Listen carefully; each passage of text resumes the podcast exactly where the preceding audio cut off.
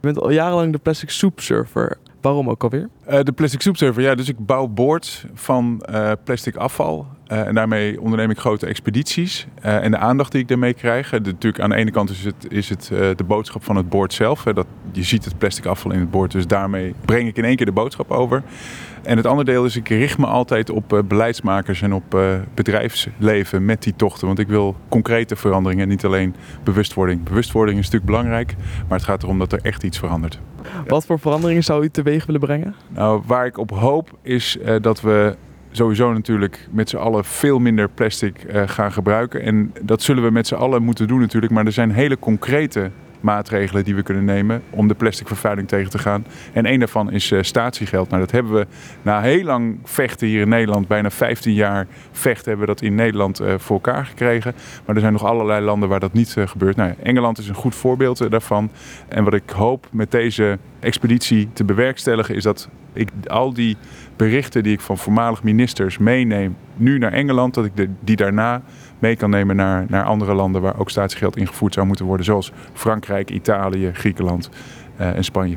Sinds wanneer doet u dit soort expedities? Nou, ik ben negen jaar geleden begonnen met het eerste surfboard van plastic afval te bouwen. Dat was bedoeld als kunstwerk, gewoon plastic van het strand. Ik surf te veel. Ik heb dat meegenomen en met een gasbrander en een, en een strijkijzer dat samengeperst tot een, uh, ja, tot een surfboard.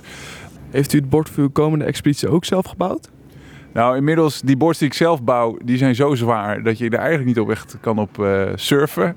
Uh, dus ik werk veel samen met uh, ja, boordbouwers. En ik heb, voor dit geval heb ik een windsurfboard laten bouwen door Ron van den Berg. Nou, dat is een wereldberoemde uh, boardshaper. En daar hebben we vlas bij gebruikt, gerecycled piepschuim. Plastic flesjes die ik zelf uit de Theems heb gehaald. Dus de rivier de Theems in Londen. En ook uh, mycelium, dus uh, schimmeldraad uh, bijvoorbeeld. En dat alles hebben we verwerkt in één boord. Dus het is altijd nog wel wat zwaarder en moeilijker dan een gewoon productiebord, zeg maar, wat je koopt. Maar het ziet er schitterend uit en het brengt de boodschap in één keer over. Ik las dat u uw expeditie die 17 juni begint verwachtte dat het te zwaar zou zijn. Hoe komt dat? Nou, ten eerste is hij heel erg lang. Ik ben ooit de hele Rijn afgepeddeld. dat was 28 dagen. elke dag peddelen, ongeveer 6 tot 8 uur peddelen nou ja, dat was behoorlijk zwaar. Maar dan zit je tenminste nog tussen twee oevers. Hè. Je kan elk moment eigenlijk afstappen als je wil. In dit geval is dat uh, veel lastiger. Het is sowieso iets langer. Maar je bent heel erg afhankelijk van het weer en van de golven. En je zit natuurlijk op een gegeven moment, ja, gewoon sommige stukken midden op zee. Met zware golven. En als dan de omstandigheden slecht zijn, dat wil zeggen bijvoorbeeld veel wind of veel stroming. Ja, dan, dan wordt het uh, heel, heel snel heel veel zwaarder.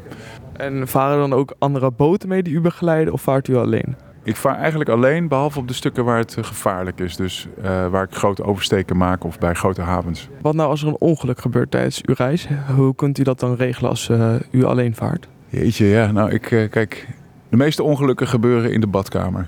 Dus ja, ik heb een tracker bij me. Uh, ik heb constant contact met mijn team. En uh, nou, het is allemaal gecalculeerd risico, de risico. En ik train, ik train ervoor. Ik kan goed surfen. En het, zullen, ja, het, zijn beslissingen op het moment elke keer.